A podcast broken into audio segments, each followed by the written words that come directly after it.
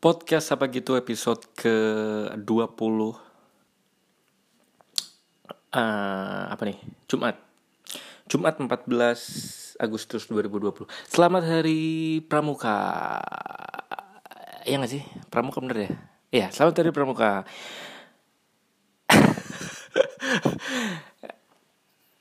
ya, padahal padahal ya ya ya nggak apa-apa yang ngucapin aja padahal saya dari dulu kayaknya paling males pramuka deh. Kayaknya pramuka tuh ekskul yang coba dijual sama sekolah dari SD SMP sampai SMA gitu. Tapi apa uh, tingkat popularitasnya uh, segitu-gitu aja ya gak sih?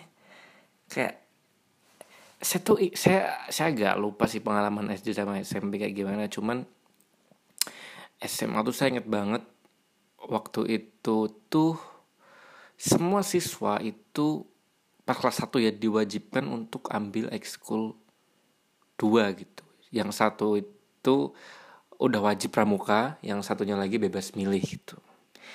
Kayak dari sekian banyak ekskul pramuka tuh segitu segitu di apa ya segitu dipaksakannya sama sekolahan buat semuanya harus ikut gitu ya ya pada akhirnya ada yang bener-bener bener-bener apa senang dengan pramuka dan enjoy menjalaninya gitu. Dan ada juga yang ya males-malesan aja gitu. Kayak ya ya karena diwajibin karena udah diwajibin aja jadi jadi berangkat gitu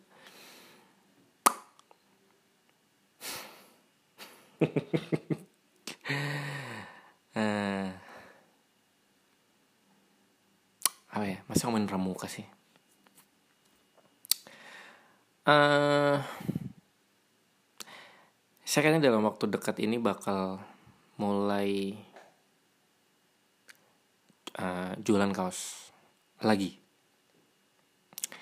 Saya dulu waktu kuliah kan sempet sempet mainan sablon gitu ya. Jadi uh, tahun 2000 2013an kalau nggak salah. Jadi uh, ya berawal dari meninggalnya bapak saya waktu itu tahun 2011 uh, eh, bayar kuliah kan lama-lama jadi mulai mulai susah gitu ya. Kayak saya saya berasa banget struggle-nya ibu saya buat bayarin kuliah gitu karena bapak saya udah nggak ada. Cuman ya ngandelin bisnis uh, tinggalan bapak saya di rumah kan ada apa namanya ibu saya tuh ngelola persewaan persewaan alat-alat pesta gitu. Alat pesta alat-alat hajat kayak apa namanya sound system terus apa namanya tenda uh, apa sih namanya itu? Kalau di tempat saya itu namanya teratak.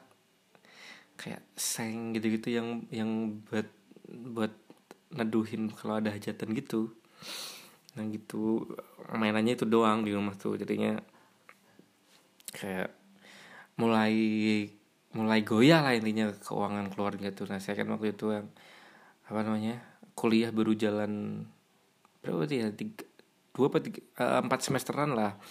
Mulai kepikiran buat uh, gimana kalau cari kerja sambilan gitu. Waktu itu sempat kepikiran untuk uh, daftar di resto-resto gitu jadi waiter waiter uh, cuman uh, udah sempat interview juga buat buat masuk jadi waiter gitu cuman ternyata jadwalnya nggak bisa nggak bisa apa namanya nggak nggak cukup fleksibel untuk diisi oleh mahasiswa gitu. Jadi kan waktu itu saya emang uh, kuliah tuh udah udah mulai udah mulai kosong udah mulai kosong cuman tinggal seminggu tuh pokoknya kuliah cuman berapa kali gitu. Banyakkan kosongnya. Nah saya saya pikir kan bisa lah kalau misalkan diisi buat kerja sambilan gitu. Cuman ternyata uh, resto yang saya yang saya daftarin itu uh, dia manajernya bilang posisi waiter itu jadwalnya nggak bisa sefleksibel itu. Jadi takutnya malah jadi tabrakan sama jadwal kuliah. Jadi takutnya malah apa namanya jadi jadi ya jadi susah aja gitu kayak intinya saya nggak dibolehin nuker jadwal seenaknya gitu. Terus kalau misal saya dijadi saya dikasih banyak libur juga takutnya jadi apa namanya jadi ganggu karyawan yang lain gitu jadi ganggu jadwal karyawan yang lain. Intinya nggak bisa lah kalau kalau di si mahasiswa gitu jadi ya udahlah kan saya jadi kepikiran untuk gimana kerja apa ya yang yang waktunya fleksibel yang apa saya tetap bisa kuliah tapi tetap juga bisa menghasilkan gitu. Terus saya kepikiran buat gimana kalau jualan aja. Terus uh, kayak mulai kepikiran gitu jualan apa ya jualan barang yang uh, kalau nggak laku tuh nggak bau gitu. Intinya nggak harus yang ditarget sehari jualan berapa gitu. Iya santai aja gitu. Karena saya kan sebenarnya nggak punya basic jualan ya. Saya cukup uh, pesimis gitu orangnya. Kalau berhubungan dengan dunia sales gitu jadinya ya nyari barang yang itu aja lah yang penjualannya tuh santai gitu. Terus waktu itu kepikiran kaos gitu. Saya kepikiran bikin bikin bikin bikin kaos waktu itu uh, saya tuh kayak desain desain kaos bertema Roma gitu kan. Saya kan senang Roma kan. Bikin bikin kaos Roma. Lumayan ada yang tertarik. Cuman ya yang tertarik yang tertarik kan nggak banyak ya. Palingnya satu dua lah. Sedangkan setelah saya hitung hitung setelah saya cari vendor gitu uh, satu kaos itu untuk bisa saya jual itu harus diproduksi satu desainnya itu minimal 6 pieces biar harganya masuk gitu. Jadi untuk satu desain itu saya harus produksi minimal 6 pieces untuk bisa saya jual lagi dengan harga yang masuk akal gitu. Jadi dijual nggak kemahalan tapi saya juga tetap tetap dapat untung gitu. Uh, jalan lah waktu itu sempat bikin dua artikel kayaknya dua desain gitu jalan itu kan uh, apa namanya dari enam kaos yang saya produksi itu kan paling yang laku cuma satu dua gitu gitulah. Paling banyak empat gitu. Nggak pernah sampai yang habis bis gitu. Jadinya kan saya mulai mikir ya aduh kalau kayak gini gimana ya? Nggak bisa nih kayak gini terus. Kalau sekali desain harus enam saya nggak punya cukup model gitu. Model uang saya bakal lama-lama habis buat uh, nimbun stok itu gitu. Karena sekali cetak harus enam gitu terus saya kan mikir gimana caranya biar bisa jual uh, per desain itu eh, nggak uh, ada itunya nggak ada minimalnya itu jadi cetak satu pun bisa gitu. Akhirnya waktu itu pikiran lah untuk belajar belajar sablon kaos gitu. Itu lumayan lumayan apa ya waktu itu langkah yang cukup cukup ekstrim gitu cukup berani karena ya saya nggak punya basic sama sekali di dunia sablon cuman bermodal ya apa namanya kebutuhan ekonomi terus uh, saya seneng saya pengen saya sen, bagaimana ya saya saya pengen punya produk kaos sendiri yang bisa saya produksi tanpa harus ngitung minimal diproduksi berapa gitu. Karena kalau saya bisa nyablon kan saya bisa bikin satu pieces pun nggak masalah gitu. Hmm, saya saya mulai nabung alat tuh. Jadi kayak saya pelajarin kan sablon manual tuh uh, yang dibutuhin apa aja gitu. Terus saya mulai belanja bahan-bahannya tuh mulai dari uh,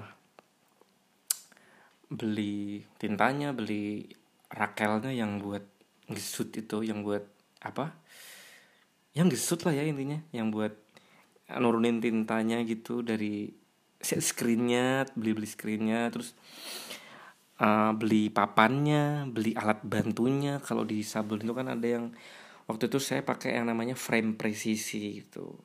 Buat yang denger ini terus bingung frame presisi seperti apa ya di googling aja bentuknya kayak apa. Bentuknya lumayan gede gitu waktu itu tapi ya saya senang senang aja gitu kan. Lagi ya gimana ya lagi lagi semangat semangatnya nyari uang gitu. Dan waktu itu lumayan lumayan booming gitu. Jadi karena apa namanya ya emang kendala di bisnis kaos-kaosan kayak gitu kan biasanya uh, untuk bisa oh ini ini ini yang saya bicarakan itu sablon manual ya sablon yang pakai yang pakai apa namanya cetak saring gitu yang pakai screen pakai pelangkan istilahnya kalau yang nggak tahu screen. Yang pakai itu bukan yang pakai bukan yang pakai polyflex atau pakai uh, printer DTG direct to garment gitu. Jadi yang saya bicarakan itu bisnis uh, sablon manual gitu. Nah sablon manual itu kan emang kekurangannya dia itu uh, harus ah gini biasanya ada minimal ordernya gitu. Jadi sekali uh, sekali cetak itu biasanya minimal ada yang 24 pieces ada yang 12 pieces. Ada yang biasanya ada yang bisa nerima apa nerima kuali nerima kuantiti kecil pun harganya jadi mahal gitu. Kayak vendor yang waktu itu saya ajak kerja sama pas mulai merintis bisnis ini tuh uh, bisa mereka nerima satuan tapi harganya mahal gitu. Jadi ya intinya semakin banyak semakin murah lah karena emang bis, uh, sablon manual itu kan uh, warna yang dicetak itu kan satu persatu. Jadi satu warna itu pakai satu screen. Jadi semakin uh, semakin banyak warna tentu akan semakin mahal karena akan butuh semakin banyak screen dan semakin sedikit kaos yang diproduksi juga akan jadi semakin mahal karena berarti uh, biaya tetapnya biaya screen satu screen yang bisa naik satu warna itu akan dibebankan di kaos yang semakin sedikit gitu. Ininya kendalanya di situ lah. Nah saya coba uh, menawarkan benefit yang nggak dikasih sama vendor-vendor lain gitu. Kayak saya berani ngelempar ke konsumen gitu bahwa ini sebelum manual dan kamu bisa pesen satu pun nggak masalah gitu. Uh, hitung-hitungnya ya kayak saya saya juga waktu itu lagi belajar nyablon juga. Terus sambil belajar ya sambil sekalian nyetak pesanannya orang gitu. Jadi ya jadi apa ya ya kayak win-win solution gitu. Saya punya saya dibiayai untuk belajar. Terus uh, mereka juga dapat kaos yang mereka mau dengan kualitas yang ya lumayan lah ya maksudnya saya nggak mau bilang produknya bagus-bagus banget yang enggak tetap biasanya kalau sebelum manual pasti ada pasti ada apa ya ya miss miss sedikit tuh ada lah. Kadang geser apa mungkin warnanya warnanya ada sedikit apa namanya uh, penurunan gitu. Mungkin dari yang di desainnya hijau tua tapi nanti pas dicetak jadi hijaunya agak berbeda. Itu itu hal yang wajar sih biasanya. Nah gitu waktu itu ya yes, dari tahun 2013 sampai sampai lulus kuliah kayaknya saya tuh saya mengembangkan bisnis bukan mengembangkan ya mengembangkan ah, mainan itu lah intinya. Mainan kaos itu. Waktu itu nama brand saya itu namanya Goblogic lumayan lumayan jadi lumayan jadi branding saya juga di kampus waktu itu. Jadi uh, ya beberapa teman kuliah gitu ada yang ada yang sampai sekarang tuh mengenal saya sebagai Galih Galih Goblocik gitu. Jadi uh, cukup apa ya cukup cukup senang aja gitu kayak uh, ya ya nggak ya sebenarnya nggak dibilang dibilang dibilang menghasilkan banget ya enggak juga tapi tapi waktu itu cukup lah kalau untuk bayar uh, bantu-bantu bayar kuliah sambil ya sesekali jajan sama pacar sih masih cukup lah gitu. Terus apa ya ya bisnis itu akhirnya uh, selesai bukan selesai sih uh, kayak vakum gitu pas saya udah mulai lulus kan saya pulang pulang ke Batang gitu ke tempat saya tempat orang tua. Saya sempat mulai sempat berencana buat uh, running bisnis lagi di rumah. Cuman ternyata agak susah karena di Batang uh, tempat belanjanya agak susah. Terus eh, ini sarana prasarannya agak susah ya. Kayak sablon manual gitu kan yang jelas kan kita bakal sering beli kain ya buat buat bahan kaosnya gitu. Beli bahan kaosnya terus beli tintanya.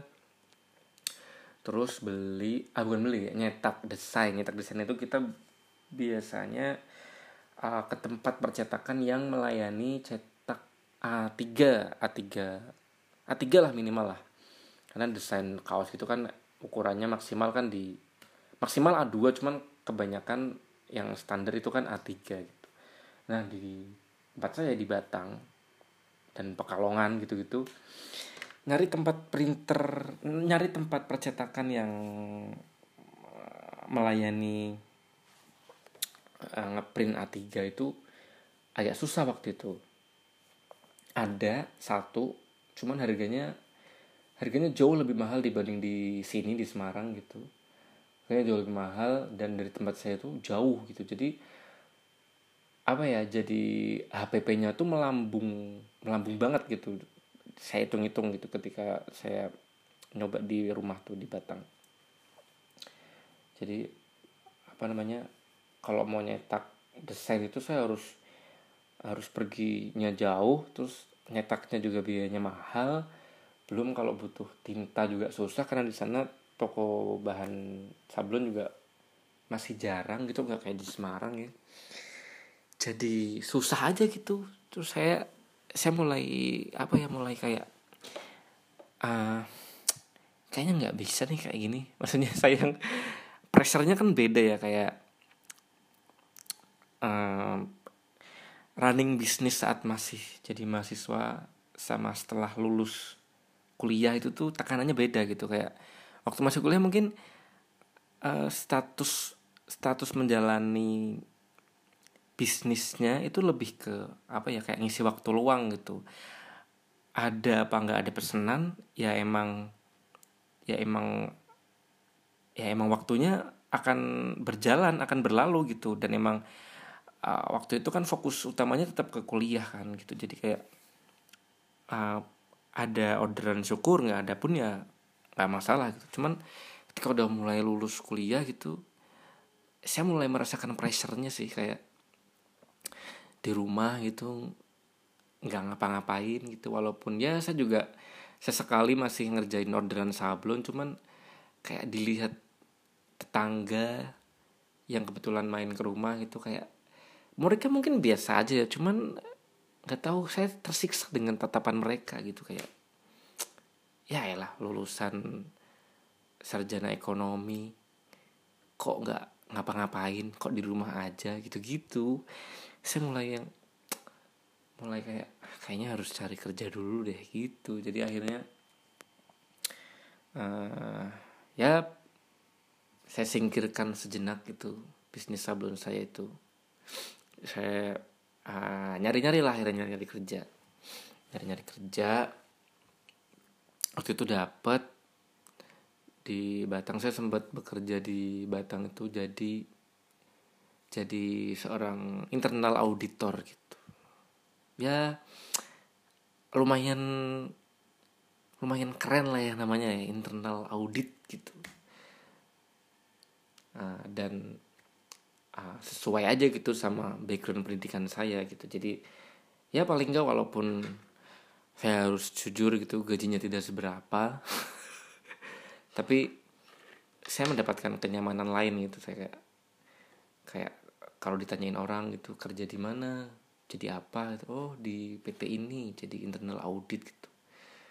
Itu saya bisa nyebut dengan PD gitu. Dan biasanya mereka akan manggut-manggut gitu walaupun saya juga nggak yakin mereka tahu apa enggak gitu internal auditor tuh ngapain gitu. Cuman kelihatan keren aja dibanding tukang sablon.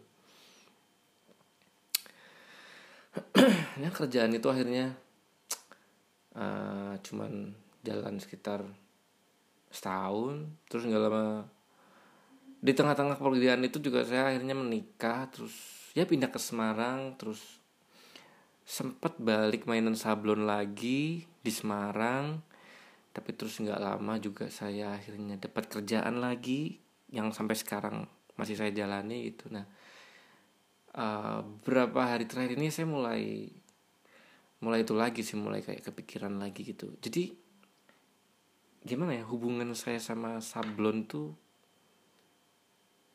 mungkin kayak saya mau bilang cinta pertama tapi kayaknya analoginya bakal bakal uh, nggak uh, terlalu tepat juga karena ya ini pada intinya saya mau bilang saya tuh udah udah berpisah sama dunia sablon gitu tapi saya belum bisa benar-benar ngelupain gitu. Atau gimana ya? Ya sablon itu ibarat orang yang udah lama meninggal tapi mayatnya nggak pernah saya kubur gitu. Jadi saya masih nyimpen bangkainya gitu di dalam hati saya.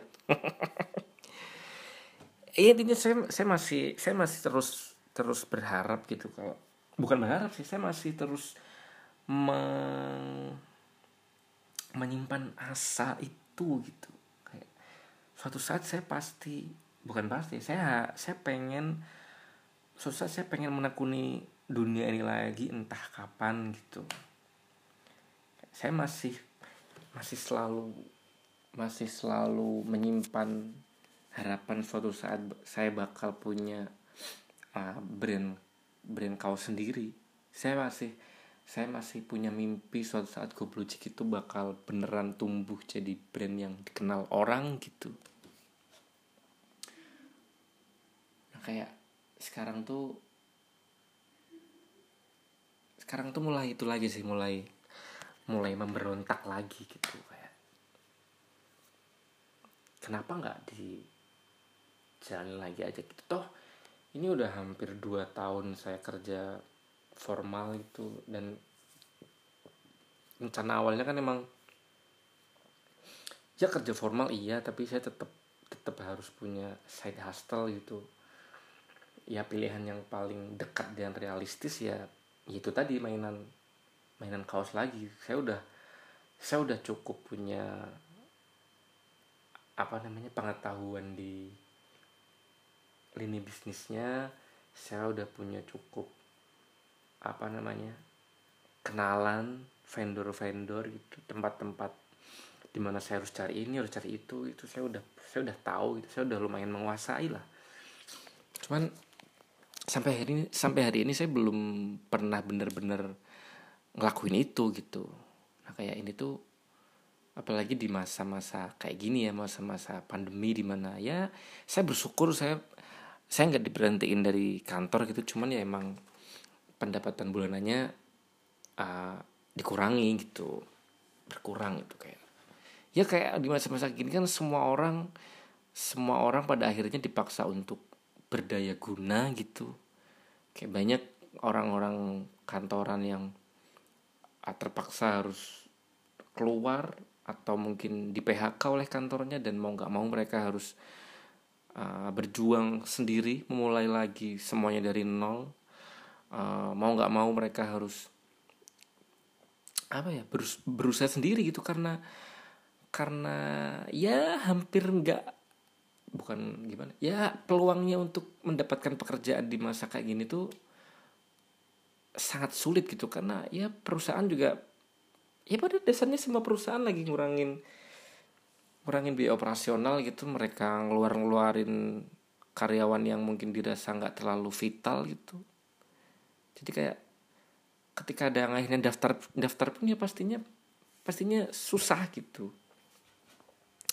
Jadi emang musimnya banyak orang yang ya itu yang ya jadi entrepreneur entrepreneur baru gitu.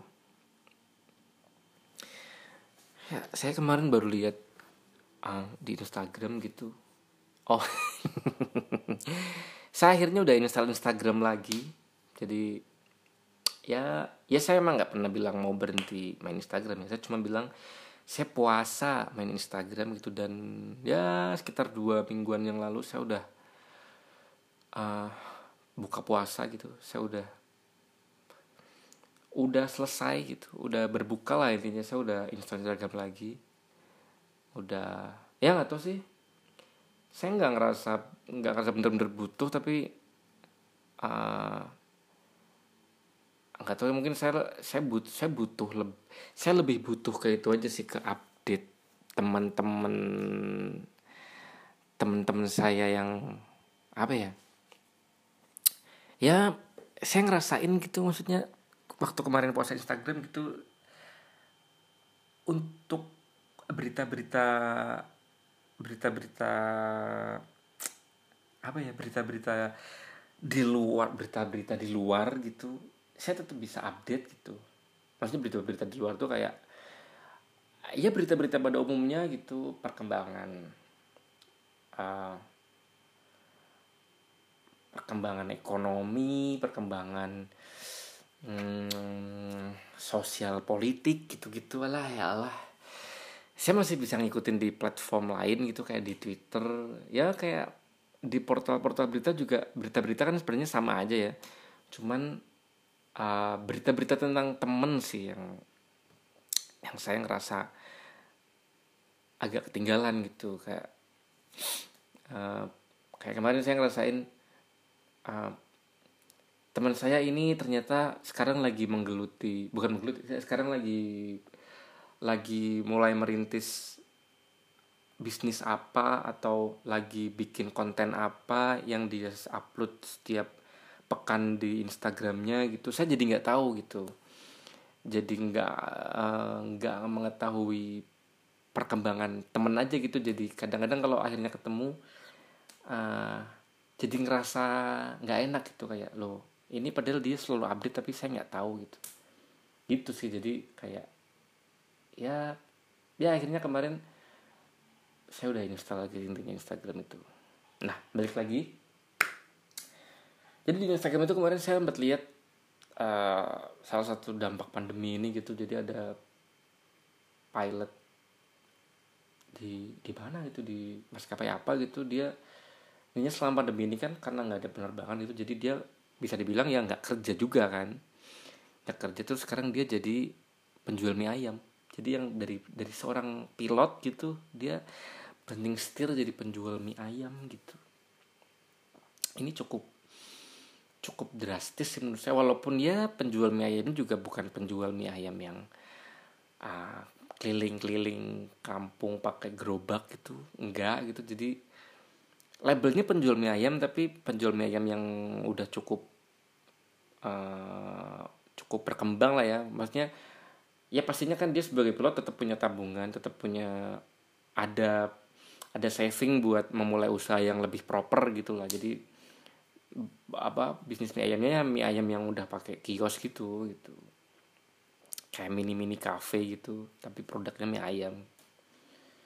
Tapi terlepas dari itu ya emang cukup drastis lah dari dari keseharian dia yang seorang pilot itu tiba-tiba harus uh, menekuni dunia lain yang ya sebenarnya ya mungkin dia emang punya passion di situ dia uh, bisa bisa masak mie ayam yang enak tapi cukup cukup drastis sih menurut saya. Ya itu tadi efek dari pandemi gitu. Nah makanya kayak di masa-masa ini tuh saya juga ngerasa ya kenapa saya nggak kenapa saya nggak nggak memulai bisnis lagi aja gitu ya main. Ya ya hitung-hitung ngikutin arus itu semua orang semua orang sedang berjuang gitu. Maksudnya kenapa saya nggak berjuang juga gitu saya pengen pengen itu sih pengen memulai lagi gitu.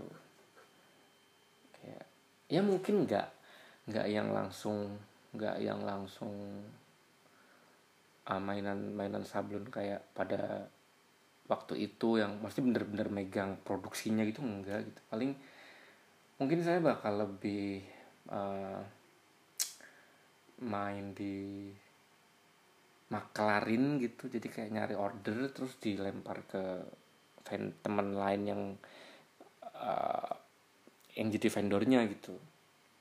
Satu sama satu lagi mungkin uh, mengembangkan Goblogic tadi bukan sebagai vendor doang tapi juga sebagai brand brand baju gitu.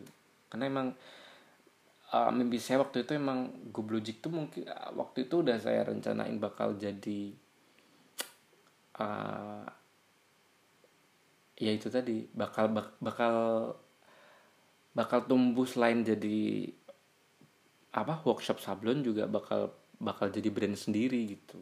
Nah kayaknya kayaknya saya pengen pengen mulai fokus di situ deh. Kayak yang ngebangin Goblok sebagai brand gitu. Saya mungkin saya nggak tahu ya maksudnya ke depannya gitu kalaupun emang saya bakal bakal bakal punya bakal mengelola bisnis sablon lagi gitu bisnis yang beneran workshop sablon gitu. Kayaknya uh, saya mungkin bakal lebih itu sih. Uh, kayaknya saya bakal memulai bisnis sablon lagi ketika saya udah punya cukup hmm, keberanian untuk hire orang gitu kayaknya kayaknya saya udah cukup udah cukup lelah gitu dengan dengan teknis sablon yang ya ini mungkin bakal nggak relate buat sebagian orang tapi ya siapa tahu ada tukang sablon yang dengerin ini gitu. Kayak bersihin screen yang udah dipakai buat nablon itu tuh lumayan melelahkan sih menurut saya. Kayak screen yang udah dipakai nyablon kan harus segera dicuci lagi biar bisa dipakai gitu kan. Untuk next projectnya gitu. Kadang-kadang kayak bersihin screen gitu tuh di samping satu mungkin kadang kadang-kadang obatnya apa obat aftruknya terlalu keras gitu jadi membandel gitu disikat susah dua juga uh, kayak bahan-bahan yang kita pakai buat bersihin screen itu kan bahan-bahan kimia ya. Jadi kadang uh, ada efeknya juga ke kulit tangan tuh. Kadang kadang apa kayak panas di tangan kadang juga gatel gitu gitu ya saya tuh ya intinya saya udah cukup lelah sih dengan dengan teknis-teknis detail-detail yang kayak gitu yang uh, permasalahan-permasalahan yang sifatnya teknis gitu.